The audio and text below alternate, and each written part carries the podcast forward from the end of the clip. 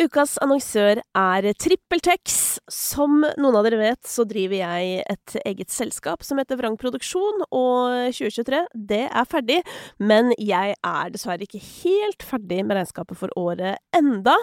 Eh, fordi sånn er jeg, og jeg tipper at jeg ikke er den eneste. Og da er det viktig å ha et regnskapsprogram du kan stole på. Og det jeg elsker med TrippelTex, er at jeg, nå som jeg skal på en liten vinterferie, kan gå inn, finne ut hva som mangler av bilag. I tillegg så kan jeg også gå inn og se på fakturaoversikten hvem som har betalt, hvem som ikke har betalt fakturaer, og hva det er jeg trenger å rydde opp i. Og det, altså, å bare vite at det ligger inne i TrippelTex og venter på meg til den dagen jeg ja, skulle til å si har inspirasjon. Eh, det er jo ikke sånn at man kan vente på inspirasjon til alt man gjør her i livet, men det å ha muligheten til å bare sette seg ned og ta de tingene som gjenstår, steg for steg, det vet jeg at blir mye lettere for meg, siden TrippelTex på mange måter holder meg i hånda gjennom det hele.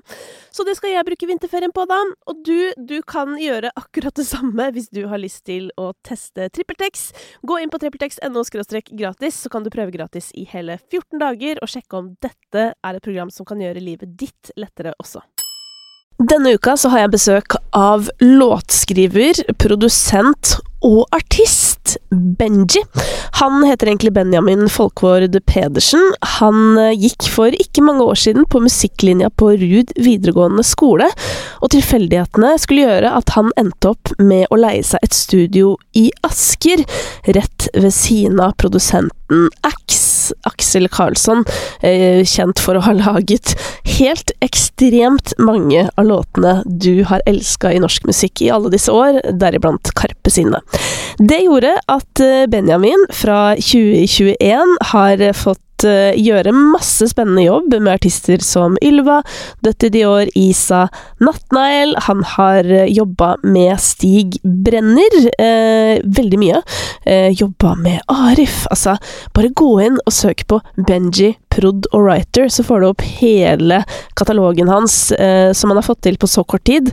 Super imponerende. Eh, jeg har også bare lyst til å legge til at akkurat eh, den dagen Benjamin og jeg hadde innspilling, så hadde jeg bare én time på meg, og man skulle jo tro at det holdt, men som du hører om ca. 55 minutter, ja, da eh, løp tida rett og slett ifra oss. Det betyr at vi absolutt skal invitere Benji tilbake, men jeg tror at den praten her kan være en kjempefin introduksjon, og som kan gjøre at du blir frista til å sjekke ut mer, og ikke minst følge med på Benjamin sitt artistprosjekt. Nei, men Benjamin, vi går rett i det, for at, uh, da kan jeg si det jeg hadde tenkt å si. Dette er relevant for deg som er produsent. Ja. Jeg lagde jo en serie før som het 'Menneskene bak musikken'. Husker veldig godt. Ja, Som handlet om å på en måte gå litt så nøye gjennom hvordan en låt har blitt laget og sånn. Mm. Og så gikk det opp for meg nylig sånn Det der kunne jo Det kunne man jo lage Snapshow av, for eksempel. 100% Ja, men, men det er sånn Eh, dette, det tar jo litt tid å lage pod, og for all del, jeg, jeg, jeg, klager ikke, altså, for jeg har inntekter fra andre kilder. Ja. Men samtidig det er noe med å forsvare tidsbruken inni et prosjekt. Så hvis Absolutt. dette prosjektet begynner å bli sånn eh, at det koster 800 000 i året, da, så må noe Eller skjønner du? Ja, helt ja. klart, ja. Mm. Så nei da, men det er, på, det, er på, det er, på, planen. Så hvis noen som sitter og hører på denne poden, driver et selskap som ikke har onde verdier, og tenker sånn Det har vi kjempelyst til, og det høres smalt ut. Ja. Å lage innhold detaljert om musikk, men sannheten er jo at det innholdet gikk veldig bra og hadde typ opp mot sånn 100 000 views og den slags, og det er ikke så smalt. Nei, det er ikke så smalt. Jeg kan si for meg, for min egen del, altså det, det, det programmet betydde masse for meg, og ga meg masse inspirasjon og glede, så jeg har tenkt på hvorfor ikke det kom en sesong to, ja. og jeg tror det er flere som har tenkt på det samme. Ja, det, ja og det er folk som skriver det til stadig, altså overraskende ja. mange, men det skal òg sies her, du mm. er spesielt interessert. La oss være ærlige. Ja, det, det, er jo helt klart. Uh, men uh, i hvert fall uh, av andre venner også har tenkt liksom, som jeg har vist det til, altså, tenker jeg at det er et kult konsept. da ja, altså, Jeg tror det er hadde vært veldig gøy å se det som Som du sier, da, et Snapshow. Kanskje det ikke trenger å være sånn produsert som det var da. Kanskje det kan være lettere tilgjengelig. Ja. Absolutt. Og på Snap, det som er veldig nice med Snapshow, er jo at det er faktisk noe man kan tjene penger på. Ja, det, er sant. det er veldig irriterende for de som ser på, selvfølgelig, for det er mye reklamer og sånn, men, ja, det er det faktisk enormt. men, men, eh, det dere kan trøste dere med, er jo at det er faktisk en, eh, et sosialt medium som betaler skaperne sine. Ikke alle, men noen. Ja. Ja, ja også, ja ikke sant. Men det, jeg syns det høres ut som en kjempebra plan. Ja, nei, men vi tar med det inn i, tanke, i tenkeboksen. Absolutt. Men kjære Benjamin. Du er jo han fyren som jeg alltid har tenkt sånn Herregud, hvordan ble han unge med eh, i Nora, holdt på å si? Fordi du er jo en av husprodusentene til Nora. Mm. Eh, Nora Kollektiv, som jo huser blant andre Arif og Stig Brenner. Mm. Eh, men i tillegg så er du nå produsenten som har blitt artist. Ja. ja. Og alt dette skal vi selvfølgelig snakke om. Ja. Men aller først eh, Hvor gammel er du nå? Nå har du blitt 24. Ja. Og jeg, jeg har sagt det i poden før, men for meg er det sånn Tanken på at du eh, bare får i oppgave, du vet, å gjøre en Stig Brenner-greie, mm. hvis du skjønner. Mm. Selv om du har jo holdt på med musikk, men er jo på en måte relativt fersk. Ja da, absolutt. Og så bare tar du den. Eh, for meg er det sånn Wow, jeg hadde blitt så redd! Ja. Nei, altså Det er absolutt en stor oppgave og ja. et stort ansvar, du må innrømme det. Ja. Og uh, altså Mye av grunnen til at jeg gjør norsk musikk, og den musikken jeg gjør, er av de gutta. Jeg jo, jeg har sagt det til de òg. Ja. Grunnen til at jeg gjør norsk musikk, er av skiva til Philip Emilio med Pelikaner og vi. Uh, og vi med Astrid Søster remix. Ja, Never forget. Fantastisk. Ja. Og da switcha det helt for meg, det med norsk musikk, for jeg hadde tenkt at jeg skulle gjøre uh, internasjonal musikk før det, men da endra det seg helt for meg, da. Ja. Men det er absolutt en stor oppgave å ta på seg, og har kjent litt på den sekken, ja. Uh, men de er jo verdens fineste folk òg, da, og vi er også vel så mye mer enn kollegaer som, også som venner, da. Mm. Um, så det har tatt meg veldig, veldig, veldig inn i varmen, da. Men vi må spole litt tilbake. Ja. Hvordan eh, blir man en fyr som får jobbe med noen av Norges største artister? Og det er et så godt spørsmål, for det er så utrolig mye tilfeldigheter som skjer, som skal ja, til for at uh, man når det. Og det er litt deilig å høre også, fordi mm. noen sitter jo og stanger i veggen og er sånn her Å, ja. jeg har gjort alt riktig. Ja. Så er det sånn Ja, men det hjelper ikke alltid. Nei. fordi verden må spille på lag. Eh, fortell om tilfeldighetens reise. Vet du hva, tilfeldighetens reise gikk litt sånn som følger. Jeg hadde akkurat blitt ferdig med eh, å gå videregående på RUD, musikklinja. Eh, og var litt sånn hva skjer videre? Jeg må finne ut et eller annet å drive på med. Jeg hadde jo hjemmestudio, sant. Og på det tidspunktet så eh, så hadde også min mor eh, hjemmekontor, og hun ble rimelig frustrert på at jeg rulla ut av senga over til liksom studiopulten min som jeg hadde der da, eh, for å begynne å jobbe. Eh, så jeg fant ut at ok, jeg burde finne meg et studio. Eh, og da bodde jeg i Asker på det tidspunktet. Og da fant jeg et studio i Asker sentrum, hvor, til min store overraskelse, Aksel Karlsson satt i naborommet. Også kjent som Ax. Ja, Ax. Ja. som var et av mine store idoler på det tidspunktet, da eh, og fortsatt er. Um, og det som skjedde da, var egentlig bare at uh, det var meg og han nede i den kjelleren der. Ja. Og han uh, trengte hjelp til å Han har fått seg en ny studiopult, uh, og trengte hjelp til å bygge den. og da en kveld så spurte han om, om jeg kunne tenke deg bare å hjelpe meg å bygge den, så kan vi ta og prate litt. Og, og jeg tenkte ja, så utrolig hyggelig. Og etter det så ble det fort over til et veldig fint vennskap, og vi fant ut at vi er ganske like på ganske mye. Uh, vi er ganske sensitive begge to. Vi, vi liker samme type musikken. Um, og så var jo jeg Jeg satt der på en måte rett etter videregående og egentlig bare liksom øvde for meg sjøl. Jeg hadde ingen sessions, for jeg var jo ingenting på det tidspunktet, så jeg hadde jo ingen å jobbe med. Men jeg jobba for meg sjøl og skrev, da. Og imellom slagene så fikk jeg lov å vise til Aksel, og han var veldig interessert i hva jeg drev med og sånn, som jeg fortsatt til den dag i dag setter utrolig høyt, da. Um, og han hadde jo da inne, ikke sant, det var midt under SAS pluss SAS Puss i prosjektet, så da kom liksom Chirag og og Magdi inn, og hele gjengen der. Og jeg sitter liksom med døra litt sånn på halvgløtt og hører på at de Jeg bare følger litt med fra sida her, jeg. Ja, bare følger med litt sånn her. Og, og så hadde var eh, Philip Emilio og kapteinen inn en tur og jobba. Og så var det tilfeldigvis så poppa de innom mitt studio, og så hadde jeg en skisse som jeg brått lagde litt sånn on the spot der. Og så ble det litt kult, og så fant vi ut at øy, vi viber jo litt, liksom. Det var jo Vi har liksom en ting gående her. Og så og så ble jeg bare kjent med de én etter én, liksom Nora-kollektivet. Og jeg visste jo veldig godt hvem de var, for jeg hadde vært i Spektrum, og jeg husker jeg sto på første rad og bare Se hva norsk musikk kan være, liksom! Hva norsk rap og hiphop, liksom. Og du har vært influenser blant dine egne venner. Ja, absolutt. Du vet, det er de viktigste ambassadørene, de der. ja. ja. Så um, så var jeg en middag hjemme hos Aksel. Han åpna jo hjemmet sitt uh, for meg, og han har alltid vært veldig sånn varm og veldig fin med meg og min kollega Marcel, som sikkert vi snakker senere om også. Um, hvor jeg møtte min manager, som er min nåværende manager, da, Yunus, uh, og vi prata litt og ble kjent, og så uh, fikk jeg en telefon den sommeren, jeg tror det var 2019 eller noe sånt, at jeg er jeg keen på å jobbe med deg. Da husker jeg måtte ringe Aksel etterpå, så sa jeg sånn Du jobber mener han liksom bare sånn Jobbe med artister, eller sånn. jeg var helt sånn Hva er dette språket? ja, mener, han mener vel ikke å signe, liksom? Jo, jo, han mener å signe, og da døde jeg. bare knakk jo. Det var så gøy, da, for da tenkte jeg bare ok, shit, det her tror jeg er riktig, da. Så det er rett og slett så mange tilfeldigheter som spiller inn på hvem du treffer til hvilket tidspunkt. Mm. I dette tilfellet så høres det ut som studiolokasjonen var den absolutte avgjørende faktor. 100% og det mest random plassen ute i Asker, så jeg kan ikke forstå hva han egentlig skulle ute der og gjøre. Nei, jeg husker, for jeg var hos han i det studioet, ja. og gjorde nettopp en sånn Menneskene bak musikken. Husker du at du var der, faktisk? Ja, for da var du også der. Jeg satt i andre rommet da. Gud. Men da mm. husker jeg tenkte sånn, jøss. Yes, er dette for et sted å ha studio, liksom? Uti her, liksom. Sikkert billig, jeg vet ikke. Ja, ja. topp. Ja, det var ganske rimelig, da. Det var også grunnen til at jeg kunne sitte der. Ja. Så, så det var litt det. Og så bare balla den ene ting på seg etter den andre. Um, og så husker jeg det at da hadde liksom Aksel jobba jo da med Philip Kolsæter mm. og Stig uh, på uh, Hvite du, Sort magi-prosjektet. Og så hadde Aksel skjønt at jeg toplina mi, da, som vil si altså jeg synger og skriver melodi og tekst. Ja. Og så ga de meg egentlig muligheten til å starte å topline én idé, og det var vel Atlanteren, tror jeg. Ja. Og da så jeg på det som mulighet. Da, for meg, i mine øyne, så var jo det liksom eh, Manageren på Manchester United står og ser på deg skyte på mål, ja. eh, og bare treff. Og så sendte jeg det jeg lagde, eh, og opplevde egentlig at da de digga det første jeg sendte, og det ble jo hooket på uh, Atlanteren.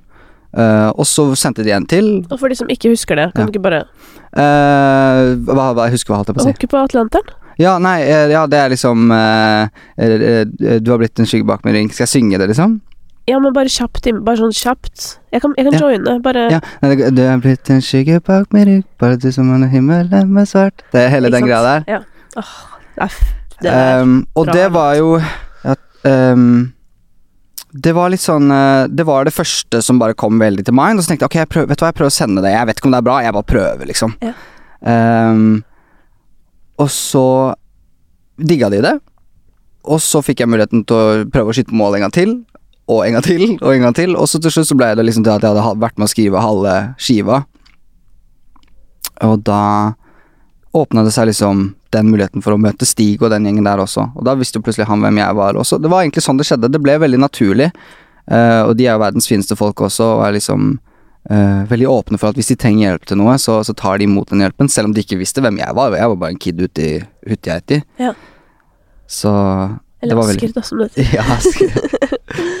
Men det er litt spennende måten du beskriver da hvordan du velger å gripe muligheten til å score på mål. Mm. Fordi det der er sånne oppgaver som kan løses på mange måter ettersom hva slags menneske du er, ikke sant. Ja. Uh, jeg ser jo for meg at mange ville gått 79 runder mm. med 79 ideer. Ja. Og bare sånn 'å nei', og, og prøvde å velge den beste. Men det hørtes nesten du gikk ut som en Gikk for en mer intuitiv løsning. Tolker jeg det riktig?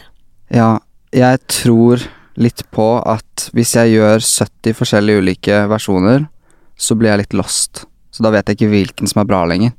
Så jeg stoler litt på det første øret. Det er nesten litt sånn du svarer på en matteprøve og tenker ja. at det første svaret er ofte det beste, for det er det du tenkte først.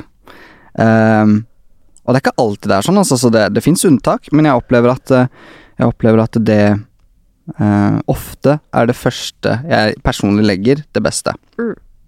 valgte jeg å gå for magefølelsen, så trodde jeg på at det var bra. Da du gikk på videregående, mm. eh, på musikklinja, mm. hva var det du tenkte at du skulle bruke måte den utdanningen til? Godt spørsmål. Jeg tror ikke jeg tenkte så mye annet enn at uh, her er mulighet for å bli kjent med andre som driver med musikk også. Derav også jeg traff min bestekompis Andreas Bakkevik, som også er produsent. Så vi det er han som produserer for Amman. Yes. Ja. Så vi vokste jo opp sammen, og vi bygde studio på Rud der, og fikk liksom Vi satte i gang produksjonslinje. Um, var de første som hadde musikkproduksjon som hovedinstrument, som var helt nytt på det tidspunktet. Ja. Uh, Gikk dere i samme klasse? Ja.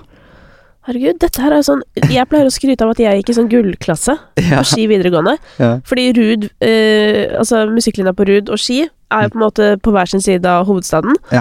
Eh, så hvis du bor mellom byen og de stedene, så må du gå på de stedene. Mm. Eh, og i klassen min så gikk jo Airwolf, altså Thomas. Eriksen, og jeg, vi var de to i klassen som ikke kunne nå tur. Ikke sant? Eh, og på en måte var litt outsidere, som er på en måte litt artig å tenke på. Det gikk jo bra med oss, for det Mm. om, liksom. Hadde en av Norges beste jazztrompetister, som fortsatt er det i dag. Eh, og to av Norges beste operasangere. Ja. ja. Men det høres ut som dere også hadde den litt sånn gull, gullklassen. Ja, kanskje vi hadde det. Um jeg syns jo det er funny at du sier at vi var de som ikke kunne noter og sånn, for det var jo jeg og Andreas. Vi var jo Ja, men det er litt classic når man Ja. egentlig er into Igjen, da, litt kanskje det intuitive. Mm. Litt det derre ah, Mm. Man elsker musikk og føler det masse og har lyst til å lage det, Mm. og liker kanskje litt teknologi eller litt sånne ting. 100%. Men det fins jo andre veier til mål, da, heldigvis. Ja, og jeg husker jo det som kanskje var felles for meg og Andreas der, var jo litt at vi liksom begge hadde øret med oss, men vi, vi likte ikke den der teoretiske delen, så vi var sånn Kan vi ikke bare gjøre liksom musikk? Kan vi, vi vil bare spille i band, vi, og liksom gjøre den Eh, Men det var så mye teori blant det. Jeg måtte spille Jeg hadde trommesett da som hovedinstrument første året, og så ble det musikkproduksjon etter hvert. Ja. Og jeg måtte spille xylofon og, og lære meg Ja, noter. fader, for det må man når man spiller trommer. perkusjon, Ja. ikke sant, og, og spille sånn, og jeg syntes det var helt pyton. Jeg spilte korps, jeg syntes det var helt pyton. Husker jeg kom der på en, eh, en sånn konsert, jeg hadde ikke øvd på nota, så jeg bare, jeg spilte, jeg bare spilte et eller annet for tull. Uh, men til syvende og sist så endte det jo liksom jeg, jeg opplevde jo også litt sånn at vi ble Jeg husker jeg fikk slengt et par kommentarer etter meg, litt sånn Ja, hva, vil, hva er det med deg, ja? Skal du bli Kygo, du, da? Ja! Og det er jo Og så ble jeg sånn ja Eller Ja, altså jeg, ja, ja Jeg skal være musikkprodusent, det er det jeg vil. Jeg vil skrive låter, jeg vil ikke liksom eh, Jeg vil ikke spille trommesett lenger. Nå, jeg syns det er kult, det òg, men jeg, jeg, vil, jeg vil skrive låter, liksom. Uh, og samme Andreas, da. Så, så der hadde vi hverandre, og vi hadde veldig lik musikksmak og likte liksom de samme tingene. Så det var veldig fint, da. Det er gøy, og det er også gøy å tenke på at liksom Andreas som på en måte lager eh, nå, nå, Han lager jo tidvis litt komplisert popmusikk, hvis du Ja, skjønner. absolutt. Og det er det, man kan det selv om man ikke kunne hørelære, hvis Ja, du skjønner. Ja, og det som, Som det er læren om å høre, Ja, uh, hvilke toner du hører. Ja. Riktig. Og selv om jeg og Andreas uh, gikk i klasse med de som hadde gått korps i ti år og kunne noter og alt sånn, så, så hadde vi alltid god karakter i hørelære, på en måte. Ja. Og s- fordi at vi, vi, selv om vi ikke skjønte det der papiret, Ja. så opplevde jeg at vi klarte å snakke oss liksom til at å ja, men det er dette jeg hører. Og så sa hun læreren var veldig fin, da, så hun Ja. liksom Ja, men jeg skjønner hva du sier, men du, du hører riktig. ja, du skjønner det, du bare har ikke språket Ja, du, har ikke, du bare skjønner ikke teorien, men du synger helt riktig. Ja. Og det er helt, det er helt eh, riktig svart. Eh, Man kan spørre, hadde dere faget satslære? Vi hadde det som heter gehør, bare, så ikke satslære. Ja, for satslære er jo et fag som vi hadde på musikklinja som handler om å skrive korsatser. Ja. Så man må lære å skrive korarrangementer. Ja, vi hadde bare kor. Vi sang i kor. Ja, det gjorde vi òg, Ja, men vi måtte skrive arrangementer òg. Ja, og det syns jeg var så jævlig rått, og det her Ja. vurderer jeg å plukke opp igjen. Ja. For derfor måtte jeg ta det opp. Ja, det ligger og ruger i meg. Det skal frem. Jeg gjorde det litt etter videregående. Ja. Eh, jeg sy jeg syns det er skikkelig gøy. liksom. Ja. Ja, ja. Så du får ringe hvis du trenger et korarrangement på et det tidspunkt. Det Fordi det, set- det liker jeg veldig godt. Et, jeg merker at nå trenger jeg en oppgave, skjønner du, for at jeg må komme i gang. Ja, ja, men så gøy. Elsker det. Men ok, dere var jo da såpass heldige at dere faktisk fikk gå den linja, da. Det er jo veldig Det er jo sånn som gjør meg ekte glad å høre. Mm. Fordi at uh, jeg selv gikk på musikklinja i en tid hvor man ikke fikk uh, holde på med det man ville, hvis du skjønner. Ja.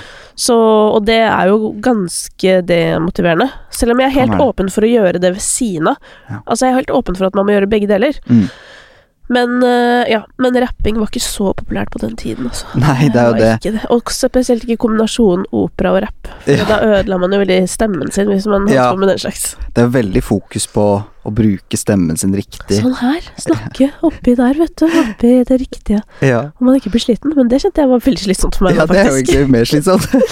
Men ok, så eh, nå har hele denne tilfeldighetenes reise har gjort Ja. at du endte opp som husprodusenten til da eh, Nora, Mm. eh, sammen med din kollega Marcel. Ja. Eh, hvordan kom han inn i miksen? Var det, kom dere inn samtidig, eller? Marcel eh, hadde sendt Aksel en del meldinger på Instagram og sendt litt loops og ting og tang. Og så tror jeg bare Aksel eh, så talentet i han, og tenkte at her er det jo et eller annet. Ja. Og han har liksom et sound her som ikke så mange andre har. Eh, og så fikk han vel til å komme seg en tur til Oslo, og så bodde han Jeg husker faktisk i den perioden så bodde han en del hos Aksel på sofaen, liksom.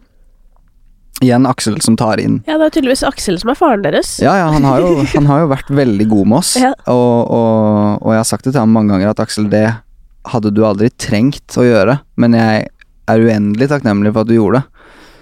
Um, så Marcel var en tur innom Oslo og sov litt på sofaen, og da husker jeg vi ble godt kjent, og vi kom veldig godt overens fort, og, og jeg digga det musikalske uttrykket hans.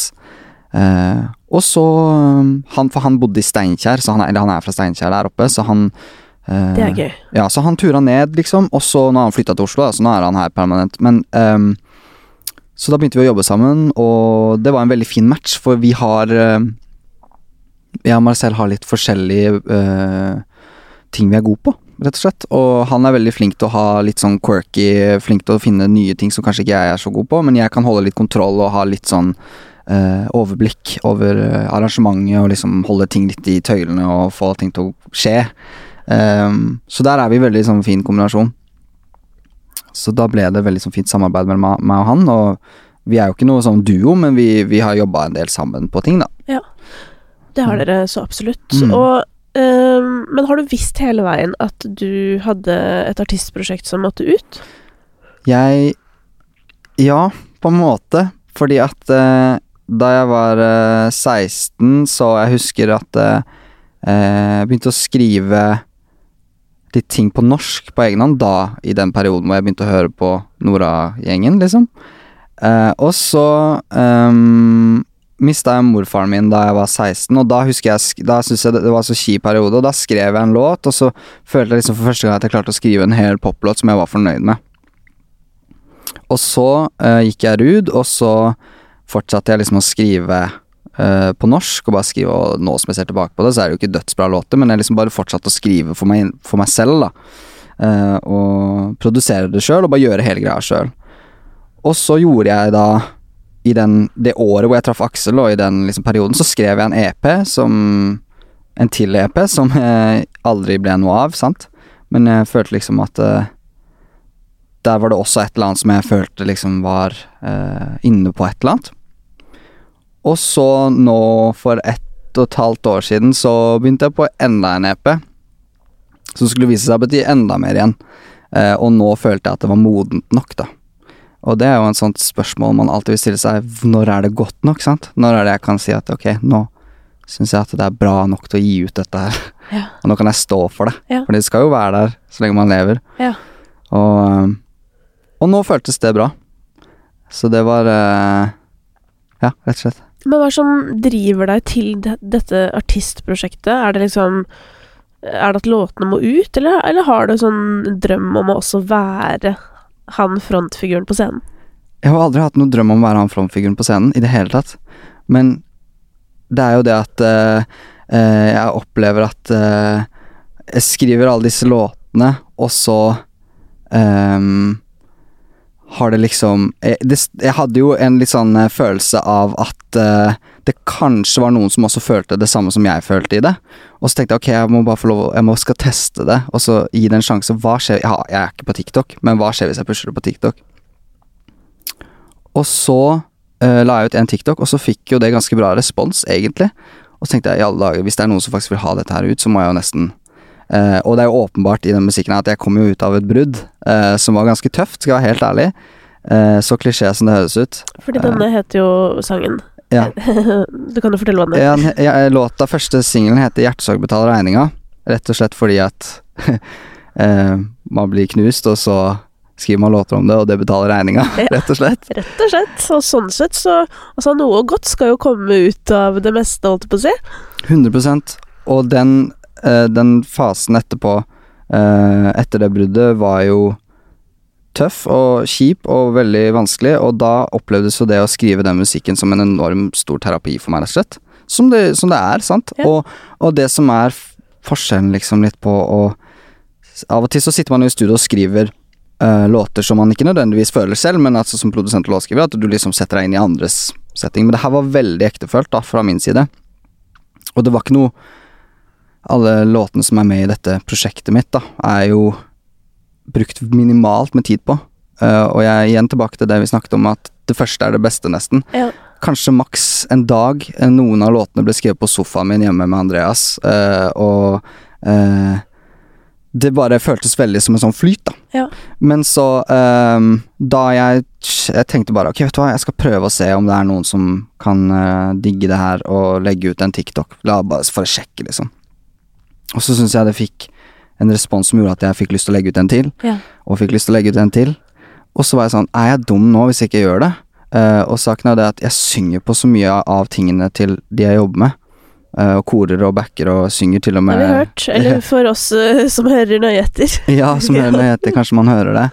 Og så var jeg liksom, hva er grunnen til at jeg, jeg ikke gjør det? Er det fordi jeg er redd, eller er det fordi at jeg liksom ehm, Jeg har alltid vært veldig glad i å synge, jeg synger alltid, og liksom, hva er det liksom Hva er det som gjør at jeg ikke Og så var det bare at jeg fant ut at ok, så satt jeg på de her låtene og hadde pitcha de en del rundt, da, ikke sant, som, som Ja, eh, Å ja, du hadde pitcha de til andre? ja, hadde Hei, det vil du også. synge sangen min? Ja, rett og slett. Yes. Og så får man kanskje tilbake noen versjoner, og så er man litt sånn der Eller så ble det kanskje ikke sånn, ja, det er kult, men vi Og så føltes det likevel ut som at når jeg gjorde det sjøl, så var det liksom mest ektefølt, da. Ja.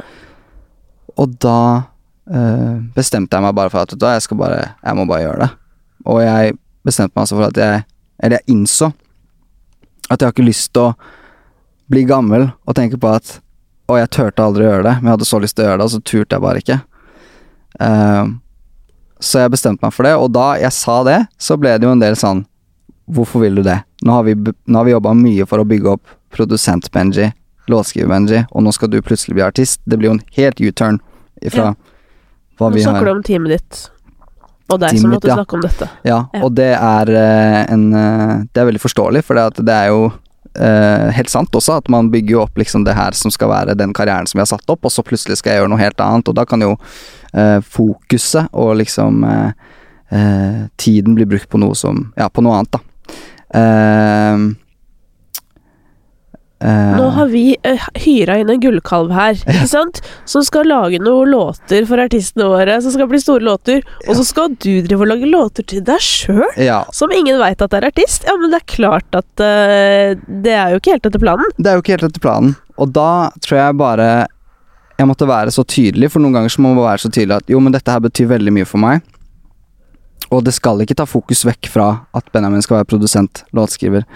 Det skal være fortsatt akkurat det samme. Dette er et overskuddsprosjekt som skal være litt for gøy og litt for min egen del.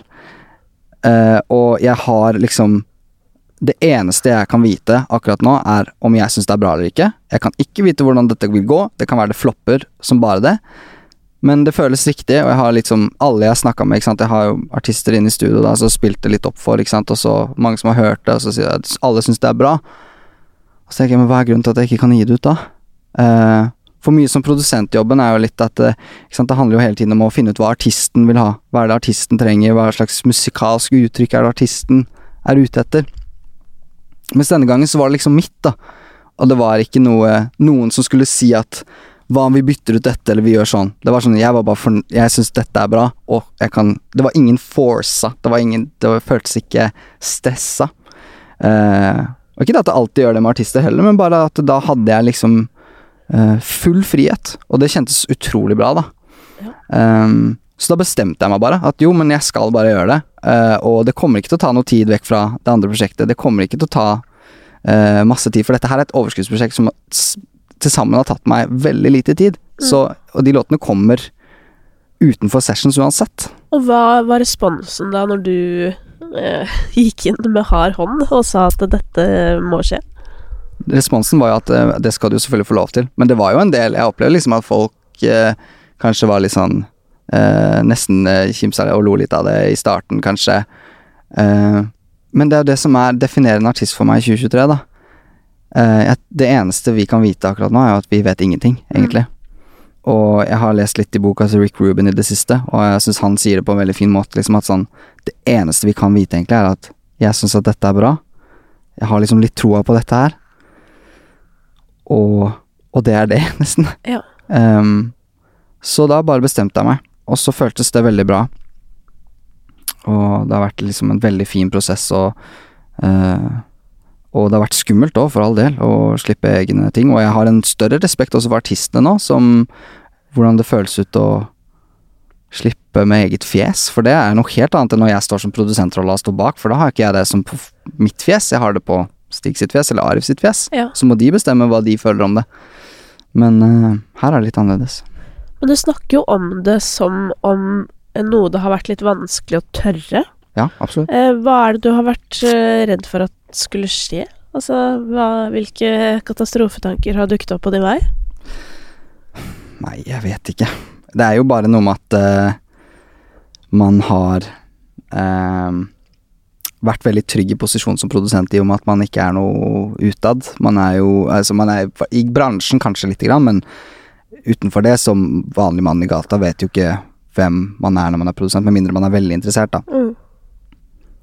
Så det var jo noe med å bryte ut liksom et fjes, og liksom plutselig skulle stå for noe sjøl, og liksom synge sjøl, og være faktisk artisten på det. Men jeg tror også for min del så var det litt kult å kunne øh, For de som ikke forstår helt hva en musikkprodusent gjør, fordi det opplever jeg at mange liksom ikke Det er jo ikke så lett å forstå hva er det egentlig du gjør, spiller du gitar, hva er det du gjør for noe? Hva synger du sjøl? Um, så er dette litt håndfast. Liksom sånn, ok, dette her er det Benjamin gjør, liksom. Det er det han jobber med, det er sånn han Det er det han driver med, liksom. Um, så sånn sett, så Det var bare litt skummelt å skulle stå fram med eget fjes, rett og slett. Ja. For jeg har vært veldig komfortabel liksom bak den, og jeg har alltid tenkt at det er greit. Og jeg har jo egentlig sagt sant, til alle de som har tatt på dette prosjektet, at jeg kommer aldri til å eh, stå på noen scene og synge dette. Og igjen, sånn å signere opp et prosjekt som no, artisten sier at jeg kommer aldri til å stå på en scene og synge det. Som er sånn Det er den eneste sjansen vi har til å Ja. noe på dette prosjektet, Ja, men det vil du ikke. Men det vil jeg ikke. Nei. Og det var fordi at jeg var tydelig med hva det her skal være på forhånd. Ja, For du står fortsatt ved det? Ja, jeg gjør det.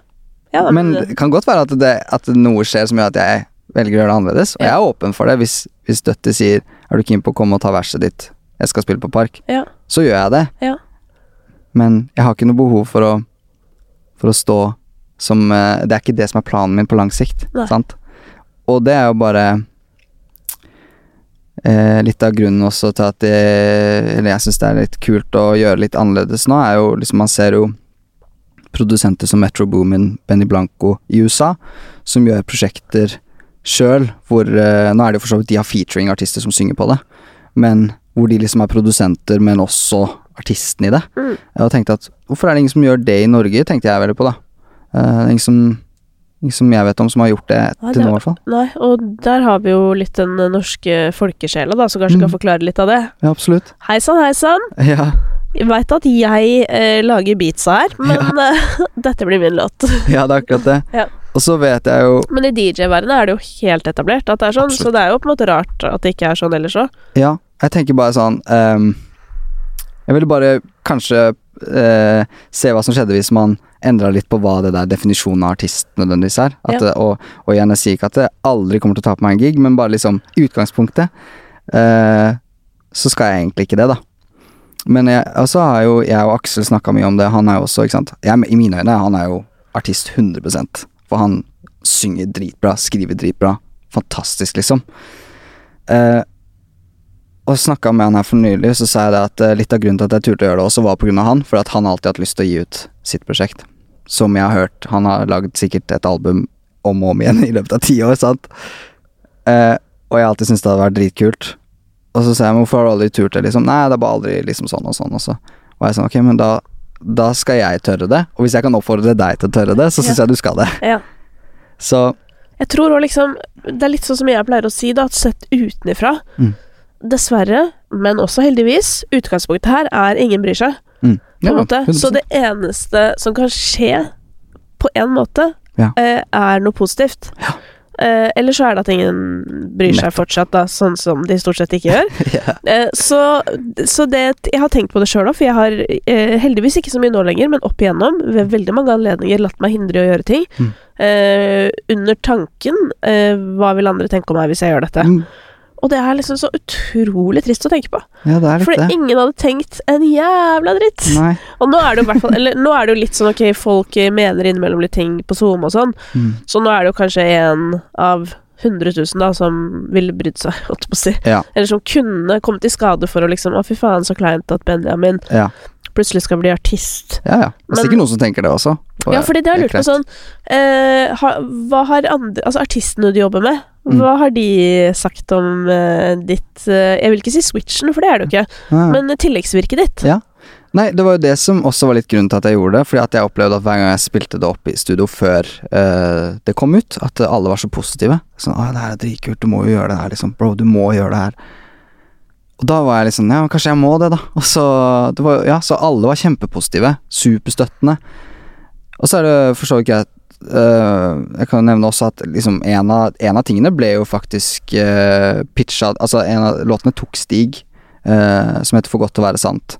Eh, den, den ble hans låt, plutselig. Um, som egentlig var en ting jeg skrev med han i bakhodet, men som jeg skrev fra mitt hjerte. Så noe av det ble liksom tatt eh, Det var jo én låt som ble tatt videre, men, men jeg opplevde bare at alle var kjempepositive og så fine på det. Eh, så bare backende. Det er godt å høre. Veldig fint. Det er veldig godt å høre. Men Mm. du som sitter nå som produsent og har et slags ansvar, vil jeg si, Mm. for å bringe musikken fremover, Ja. på en måte. Ja. Hva tenker du? Altså, fordi vi vet jo alle hvordan eh, musikk blir konsumert i disse dager, i hvert fall blant unge folk, da.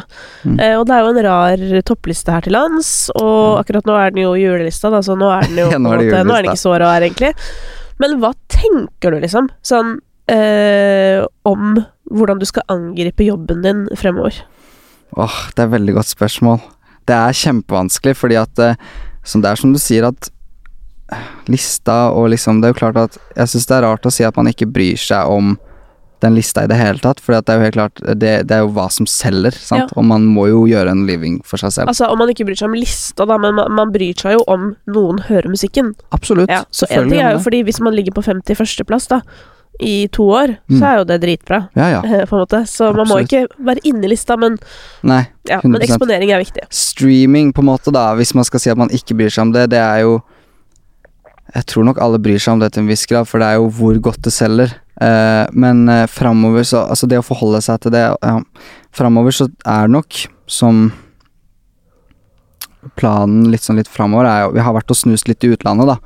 Uh, vært en tur både i Los Angeles og London og eh, Og sett litt utover, for det er jo Faktum er det at det er jo en eh, knippe med artister i Norge, og, og Og det er tøffere å jobbe fulltid her i Norge, eh, og man skal ha ganske mye og store prosjekter å drive på med for å liksom få holde ting gå, gående rundt. Ikke sant? Det er Altså tøft økonomisk. økonomisk, ja.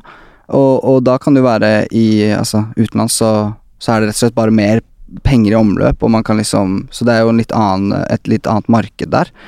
Uh, men uh, Framover så er Jeg Jeg, um, um, jeg ser veldig fram til å kunne teste og jobbe litt i utlandet. Mm. Både jeg og Andreas har liksom planer om å stikke litt utover. Uh, men også nå så jobber jeg på et album med, med Stig, og, som er kjempestas og veldig gøy. Eh, så det er liksom det som skjer akkurat nå, men uh, framover etter det så er det Jeg tror det som ligger til bånn i alt jeg driver med, er liksom bare å fortsette å skrive ting som føles bra og riktig, og, og, og jeg liksom føles ektefølt, og og uh, jeg syns det er uh, Ja, det, jeg vil alltid bare ha den driven i meg. At det er liksom Det er alltid bare fortsette å skrive. Det er liksom ligger veldig sånn latent. Men for det er én ting er å reise utenlands og på en måte, ja, som du Mm. sier, da, dra, dra mer dit hvor ting skjer, og hvor det er flere muligheter, på en måte. Men en annen ting er jo sånn rent musikalsk, ikke sant. Sånn Ja. derre hva, hva hører folk på nå, hva kommer folk til å høre på fremover? Mm. eh, ting er jo å være på en måte nær i det du skal formidle og si, Mm. men så er det liksom lyden. Og Mm. hva tror du eh, om den fremover? Altså, fordi det, ting forandrer seg så sjukt fort. ting forandrer seg veldig. Altså, nå er vi jo i drum and bass eh, fra soverommet-era, ikke sant? Mm. Ja. Som jeg jo elsker, selvfølgelig. Ja. Eh, men hva, hva, hva blir det neste, tror du? Åh, det er veldig vanskelig å gi et svar på. Jeg tror nesten det er litt umulig å gi svar på akkurat hva som blir det neste. Men Fordi- sitter du ikke litt og tenker sånn Åh, kanskje vi skal teste det eller det, eller skal vi liksom Jo. Vi har vært litt inni altså litt mer sånn Vi har tenkt at nå er det mer poppen med litt uptempo-ting og, og sånn. Jeg er jo en melankoliker av natur, så jeg skriver jo ofte sånn triste låter. Men ja, vi ser veldig jeg, ser jo veldig at nå er det en wave med veldig mye unge trioer, eh, eller boybands og liksom Og sånt som er veldig pop-in. Eh, og, og snuser litt inn på liksom veldig mye festmusikk om dagen. Eh, og så er det liksom det Jeg, jeg føler jo at um, At uh, det, det er, går jo på en måte en grense hvor uh, hvor, hvor, liksom, hvor festete kan jeg la Stig eksempel være? Uh, hvor ja, jeg tror ikke Stig har noen grense, altså. Nei, det, Nei, det altså, her må jeg si at ja. Eller fordi du vet Edvard Saxon, da, som Ja, er en av mine favoritt, favoritter, ja, er jo liksom Det er jo veldig party, men det er jo med en en halvnegativ undertone, hvis man kan si det sånn. Og det er jo litt Stig. absolutt. Så nei, men det er litt vanskelig å gi svar på akkurat hva som blir, bli det neste, for at uh, det er så Det er så vanskelig å forutse. Men jeg, jeg, jeg tror jeg, lurer, jeg, har, jeg har lurt litt på om folk blir mette på festmusikk etter hvert. Ja, dette Festmusikken er jo gjeldende for det meste i Norge, da, hvis Ja. man kan si det sånn. Ja, absolutt. Men eh, ja. Fordi jeg har tenkt på sånn Det som er spennende da med det som er populært, Mm. er at ja, du har festmusikken, eh, og så har du på en måte litt sånn hiphop, store internasjonale hiphopartister. Mm. Men så har du òg veldig mye sånn ballader om dagen. Ja. Han derre eh, eh, Daylight-fyren, eh, som jeg ikke husker hva heter nå. Mm. Eh, og så er det jo den, han Zack og Casey Musgraves eh, countrylåta. Ja. Eh, og så har vi liksom Olivia Rodrigo som er mer på rockekjøret. ja, Så det skjer jo, og en del av de eh, rolige låtene som er populære, er jo også organiske, med Ja. instrumenter. Og det er jo det her jeg syns er så sjukt, for det er sånn Hadde det enda vært at vi hørte på selv om det og festmusikk, eller du vet sånn der at alle ville bare høre uptempo-musikk og David Guetta og Sara Larsson, liksom. Ja. Men, men det er ikke det heller. Nei, det er jo ikke det heller, nei. Nei, sant. Det er jo veldig variert. Nei, jeg vet ikke helt det. Uh, vanskelig å svare på akkurat hva som vil bli det neste, altså. Men uh, det er jo det, er det jeg egentlig føler at det er, det er ingen som kan helt vite. Uh, det er eh, Det er jo så mye tilfeldigheter som spiller inn, men det jeg tror eh, eh, Det er jo en grunn til at folk eh, digger et eller annet de hører. Det er jo fordi at man kjenner en følelse i noe. eh, hva enn den følelsen er. Så, så lenge det ligger en følelse der, så vil jo noen catche opp på det. Og hvis den er sterk nok, så kanskje flere Det resonnerer hos flere. Det er jo så enkelt som det. Man kan uh, liksom uh, Hvis man lager musikk som på en måte sjekker av flere punkter, så vil det resonnere hos flere enn hvis du sjekker ett spesifikt litt sånn ett spesifikt punkt, da. Ja, det er jo litt interessant nå Jeg har vært inne på det litt tidligere òg, men hun Randi Oline som covret Cezinando, der har vi jo et sånn tilfelle av sånn Oi, dette ble folk beveget av. Det ble plutselig, Og den låta har jo vært ute kjempelenge, sant? Ja, Så plutselig så blå den på nytt. Men nå mens vi snakker, så ligger jo Randi Olin på førsteplass i Norge, og Cezinando-versjonen på fjerde. Ja. Det er gøy. Det er kjempegøy. Ja. Og jeg syns den versjonen er kjempefin, den hun har gjort. Hva tror du det er med hennes versjon som treffer sånn? Nei, Det er et godt spørsmål da. Hun, hun synger det jo på en veldig sånn kul måte. Hun har en veldig kul sånn vibrato, veldig sånn fin Veldig kul stemme. Uh, og så er den kanskje Altså, Cezinando sin er også veldig intim, da, men den her er jo liksom veldig Den er jo veldig nedpå og veldig ehm, Det er jo bare hun og piano. Så det er liksom Det er jo ikke noe særlig produksjon rundt det sånn sett, annet enn at det er et sånt pianospill og henne. Eh, men den resonnerte også veldig hos meg, eh, og følte at den eh, fikk veldig sånn- den shine den fortjener igjen, den låta. Altså, jeg syns hele det prosjektet der er fantastisk. Så det, det er jo litt morsomt å se da, hvordan ting bare plutselig kan komme opp igjen på den måten. Og igjen TikTok, som det er, liksom den plattformen som det er. Men ja, den er veldig intim, den, den versjonen. Hvem av, altså, av artister som du ikke har jobba med ennå Eller får man lov å jobbe med artister utafor eget hus? Ja, ja, det er klart. klart. Ja, Ja, Så du kan jobbe med hvem du vil. ja da, selvfølgelig. Ikke sant? Hvem er det som uh, frister? Jeg syns det har ehm, Jeg syns det har vært veldig gøy å jobbe med Marstein. Uh, jeg syns Marstein er utrolig dyktig. Både lyrisk, måten han skriver på, eh, og ikke minst måten han legger seg bare, sånn rappmessig, ekstrem. Eh, så absolutt de gutta syns jeg er helt rå. Jeg har veldig lyst til å jobbe mer med de. Um, Men øh, altså, hvordan øh, For du har hatt han i studio. mm, Hvordan øh, jobber han? han jobber veldig eh, em, raskt, flink til å skrive. eh, eh, går bak i rommet, skriver mens jeg prodder opp. Og der er folk veldig forskjellige også. Ja, ja. Noen trenger jo å være veldig involvert i liksom å kaste ball fram og tilbake. Andre setter seg bak i sofaen, er stille og skriver og um, Og plutselig sier at 'jeg har noe', og så går de på mikken, og så hører jeg det for første gang. Han er litt sånn. Um, så han uh, Han er bare rent lyrisk utrolig flink til å skrive kule ting som jeg bare syns Det gir meg veldig sånn spark, da. Uh, så han er litt mer der at han eh, han venter til han har noe, og så viser han det. Eller så rapper han det også ut i rommet. Noen, eh, Stig er jo mye mer involvert i liksom, hva syns du om denne linja her, sender fram og tilbake. Eh, tekst, rett og slett. Melodi. Um, sånt noe. Men det må jo være litt digg òg. Eller det er i hvert fall sånn jeg syns er digg i jobben min. At sånn Mm. man jobber med, med folk som har ulike behov. Eller Ja, skjønner du? Det gjør jo at jeg får veldig ulik jobbhverdag også. For noen ganger så må jeg være liksom veldig påkobla. Et eller annet. Mens en annen dag så kan jeg på en måte Ja, så kan jeg sitte bak i rommet, hvis du skjønner. Absolutt. Eh, så det er fint av og til. Noen dager så har man liksom veldig ansvar for både produksjon og å skrive, og måtte liksom være litt på og toppline og sånn. Og andre dager så ser man det at ok, eh, det, det handler jo veldig om å tilpasse seg dette her å produsere og være låtskriver og, og sånn i rommet, og det har mye tilpasning. Ja. Skjønne og sense liksom sånn ok, vedkommende trenger bare tid til å skrive og få den, og bare la loop, loopen gå. Ja. Andre ganger så må jeg sette i gang litt, hva skal vi gjøre, vi må jo få dette til å skje.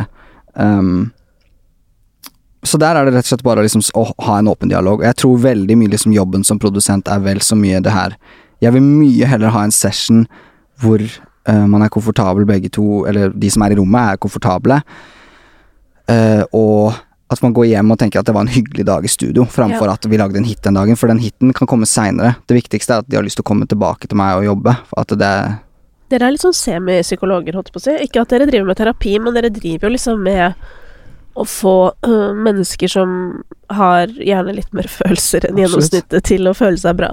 Absolutt. Og, og, og siden jeg kjenner meg litt sensitiv og følsom og sånn selv, så kjenner jeg meg igjen i veldig mye, sant. Og ofte så blir session til at man prater om liv og alt rundt det, og har fine, veldig fine samtaler. Opplever at man har veldig fine samtaler. Hvordan hadde du taklet å møte en artist som er megadiva på en dårlig dag, liksom, hvis du er så sensitiv? Mest sannsynlig helt ok, okay. fordi at uh, Ja, jeg syns det er viktig at uh, folk må få lov å være den de er. Og hvis det er å være diva, så det er helt cool for meg. Altså, jeg tilpasser meg dem på en måte lite grann. Så det gjør meg ingenting. Ok, Nei, for jeg tilpasser meg ikke det på sikt, på en måte. Ikke over lang Ja, tid, nei. men jeg er helt enig sånn hvis Noen er jo veldig følsomme for sånn der Å, hvorfor er den personen så sur, eller hva er det Ja. som skjer her nå? Men der har jeg gått veldig i sånn modus som er sånn Vet du hva, nå er den stressa. Ja. Eller hen er Ja. stressa. Og Nå må vi tilrettelegge her. Ja. Men det er ikke lov å komme inn med dårlig energi Nei. i et helt liv, hvis du skjønner. Nei da. Og da til syvende og sist så må man jo tenke liksom sånn Er det verdt å, Ja. det verdt å fortsette å bruke koster. masse tid? Dette Ja. koster. Og det er jo en sånt mattestykke man må ha hele tiden med seg Ja, men sjøl. det syns jeg var gøy med Aksel, apropos. Ja. At han har satt sånn regel nå. At han skal, eller sånn at han skal prøve å liksom si fra sånn Nå, har, nå er jeg sliten. Ja.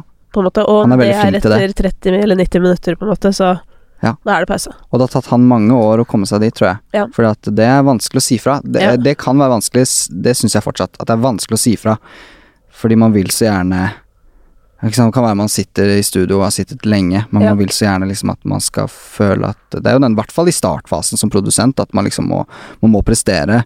Og da, hvis du sitter der med en artist du har lyst til å jobbe med lenge, og du har den session, og så plutselig så er du kokt i hodet, det går liksom ikke an å bare si sånn nå er jeg keen på å dra hjem og, og game, liksom, fordi at nå er jeg sliten. Du kan ikke si det, for det, liksom, det her er kanskje muligheten din.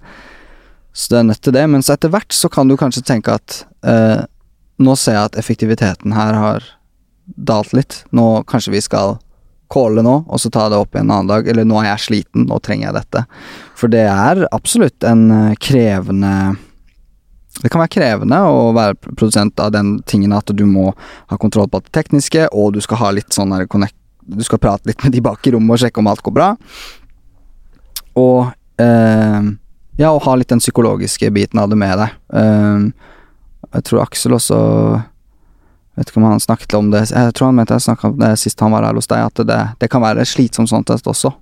Ja, ja, men Guri, du har jo på en måte For det første, du har ansvar for situasjonen, og mange baller i lufta på likt, og du Mm. skal prestere, men de skal ha det bra, eller noe sånt. Ja. Det er mye som skjer på en gang her.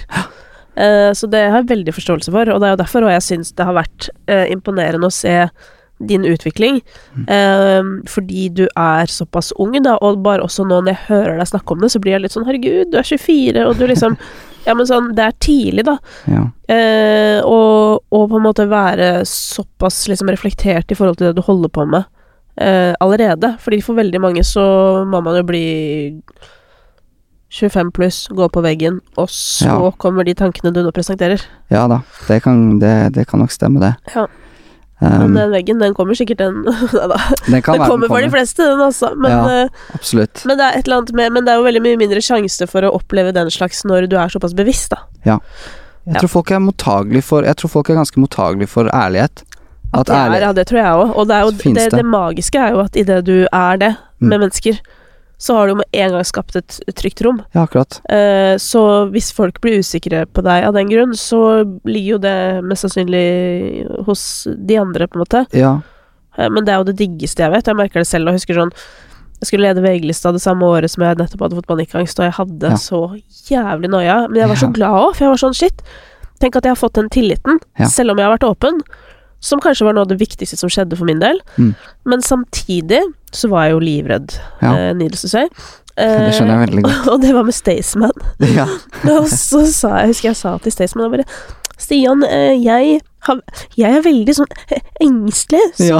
hvis jeg besvimer, så hadde bare, bare liksom Kunne du bare da kanskje tatt meg imot, eller noe sånn. ja. Eh, og han bare Ok, det går bra. Ja. Han reagerte ikke litt engang. Han Nei. har vært i krigen, Ja, ja, liksom. han så på en måte Han var sånn Ja, mm, ok. Mm. Og så Da var jeg ferdig med det. Ja. Så det ble jo ikke et problem. Jeg syns det er noe veldig fint med det. Jeg, jeg opplever det bare gang på gang hvis jeg åpner meg litt opp. I en session eller hvor egentlig når som helst, Ja. men bare liksom at man er litt ærlig. Bare sånn, vet du jeg kjenner at det er sånn og sånn, og tenker litt på dette. Og så er folk liksom ganske mottagelige for det, og, og, og opplever deg som Å ja, han er sånn, da kan jeg også være litt sånn. Ja, ja. Uh, Og møte med samme energien. Det er jo liksom bare at det er greit, da.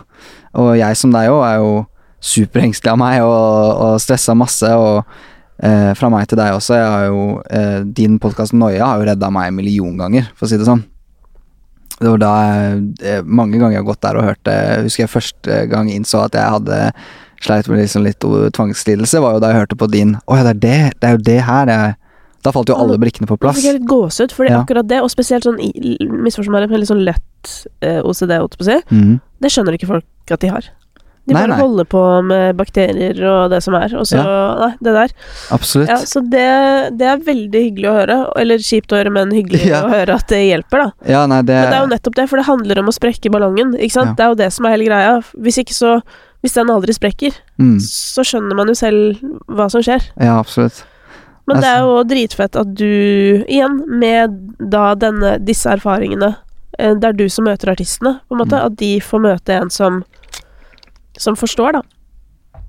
Jeg opplever det som veldig viktig. At uh, det rommet er trygt for å snakke ut om ting. Og Mm. ikke sant uh, Hvis man føler for å grine, hvis man føler for å le, hvis man føler for hva enn, så er det helt ok, fordi at det er liksom Og så er det en rar setting å være i, eh, å treffe et helt menneske og skulle plutselig lange ut om eh, alle sine demoner og alt sånt her. Absolutt. Men jeg tror Jeg opplever liksom at det er sånn øh, folk liksom åpner seg tilbake. At ok, han, han er åpen, og da kan jeg Og han øh, slapper av i det. Han er, Mm. han er rolig, og da kan jeg også få hvile. Og så kan jeg si hvis For vi bærer jo på masse greier hele tida som vi stresser litt rundt med. Og så da kan man liksom tenke at ok, det er kanskje greit med han, for hans, han syns det, det er komfortabelt å snakke med han om det. Hvis det skulle være noe, så vet jeg at det går fint. Altså, jeg hadde kommet til studio til deg hvis jeg hadde vært artist. så bra. 100% Jeg hadde sendt søknad. Ja, Hei, ja, kan du ta imot dette nervevraket? ja, det er det. Um, Så det, ja. ja. Jeg, jeg tenkte Altså, møte, du snakket om det å møte veggen, og, og det tror jeg er eh, Det har jeg gjort én gang. Ehm, sånn skikkelig, og det var uh, type 2017. Uh, altså hvor Jeg vet da, du, du har snakket masse ut om det her med angst og Ja. sånn, sleit veldig mye med det en uh, periode, og um, og så gikk det mange år, jeg skjønte egentlig ikke helt hvorfor jeg var så stressa meg. Det var veldig mye som var i, susa veldig opp i toppen. Og så um, da, Det var 2019, så det var det året jeg satt i studio ved siden av Aksel, og da hadde jeg et veldig lang periode vært veldig sliten. Veldig mye sliten og ligget mye og sovet i studio og sånn. Plutselig midt på dagen hatt en to timer siden jeg bare må legge meg nedpå. Og um, Og så plutselig hadde vært ute og kjørt meg en tur, gått og lagt meg.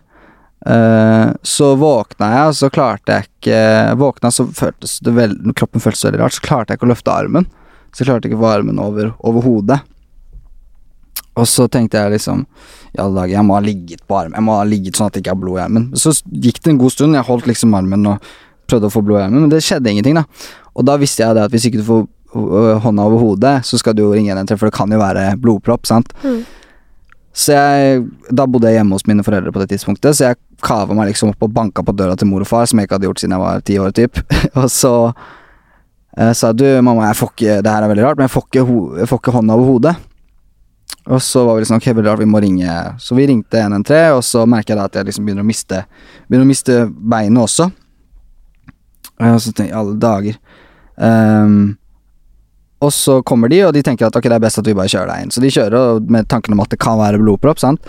Um, og så Um, kommer jeg inn på akutten der, og så sier han overlegen Benjamin, kan du bare stå Jeg er jo helt klar, sant, så jeg, jeg tenker jo i alle dager, dette ble jo veldig voldsomt, var ikke det litt mye, kan vi ikke bare dra til legen i morgen, liksom? Og så sier han overlegen, kan du stå for meg? Og så sier jeg, reiser meg opp, og så Jeg går jo seiler jo ad dundas rett i veggen, uh, for da kan ikke jeg klarer ikke helt å stå lenger, da. Og da kjører de meg rett inn på CT og full pakke der. Um, og finner ikke noe blodpropp, uh, så der var det ingenting. Um, og så um, kjører vi Så sa de at okay, vi skal ta en MR av deg dagen etterpå, så jeg ligger på, på sykehuset der. Jeg tenkte i alle dager, dette var veldig spesielt. Uh, og så finner de ut at jeg har en del prikker da i hodet, som er sånn Ja, de ser at det er sånne prikker på de bildene. Og så sier de uh, vi er nødt til å ta en uh, sånn spinalpunksjon på deg, og så vi, finner vi ut av hva det her er for noe. Og så tenker jeg ja, ok, yes. Da var det i hvert fall ikke blodpropp, liksom. Jippi. Og så sa um, uh, Ja, ok, det, det, er nok ikke blodpropp, men det kan være noe som heter MS, sa de. Nei. Og da sa jeg ok, wow, jeg, jeg feira litt. Jeg bare sånn, ja, dritnice. Da er det i hvert fall ikke Det er det i hvert fall ikke blodpropp. Jeg visste ikke hva MS var på det tidspunktet. Nei, okay. Nei, for det er jo ikke nødvendigvis noe å feire. Nei, det er jo ikke noe å feire, sant. Og så fikk jeg tilbake det at det var MS, da. Så jeg fikk, eh, jeg fikk, vite at det var det, og da falt jo noen brikker på plass for ja. hvorfor jeg hadde vært så engstelig, og hvorfor ting var så surrete, og hvorfor i alle dager jeg følte meg så sliten hele tida. Ja. Og da, siden den gang Det går veldig fint, altså, bare så ja. sagt, men jeg tenkte jeg hadde lyst til å si det, at det kan Det er sånn apropos den derre eh, Å være litt eh, nevrotisk. Kjenne at man eh, Og det også har vært veldig fint for meg i musikken, egentlig, at det å gått gjennom en litt sånn eh, tung fase i livet og liksom kjent litt på det at oi, jeg vet ikke helt åssen dette kommer til å bli da, framover. Og ikke minst takknemligheten for hva jeg kan drive med nå, at jeg kan drive med det på fulltid sånn som jeg driver med, har vært veldig fin å ha med seg, faktisk. Um, så bare litt sånn apropos det med, med, med å være nevrotisk og kjenne på at folk går gjennom ting i livet som ikke alltid er så lett, da. Mm. Og at det er et åpent rom hos meg hvor man kan prate om de tingene som er vanskelig, og at det blir innad i rommet, og jeg kan snakke om mine ting, og de kan snakke om sine ting, syns jeg er veldig vakkert, da. Eh, og at man ser liksom Ok, det er ikke alltid Det er ikke alltid alt bare er dritbra, liksom. Ja.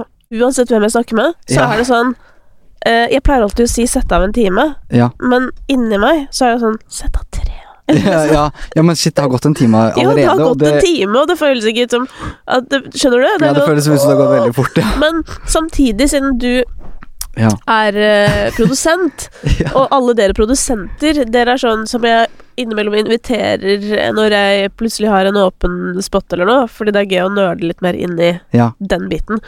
Så du kommer til å bli tilkalt. Ja, det har vært veldig hyggelig. Ja, fordi du, du er utrolig god til å snakke. Uh, ja.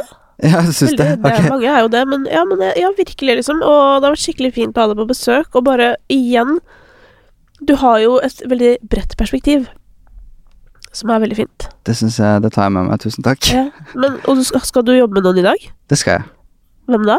Jeg skal jobbe med Stig og Morgan Solele. På, han er topp, med på topplining, så det er, han er utrolig Yay! dyktig. Ja, det skal dere vite at Magnus Clausen, som han heter, Ja, han er ikke dum. han er ikke dum. Nei. Han er ordentlig fining.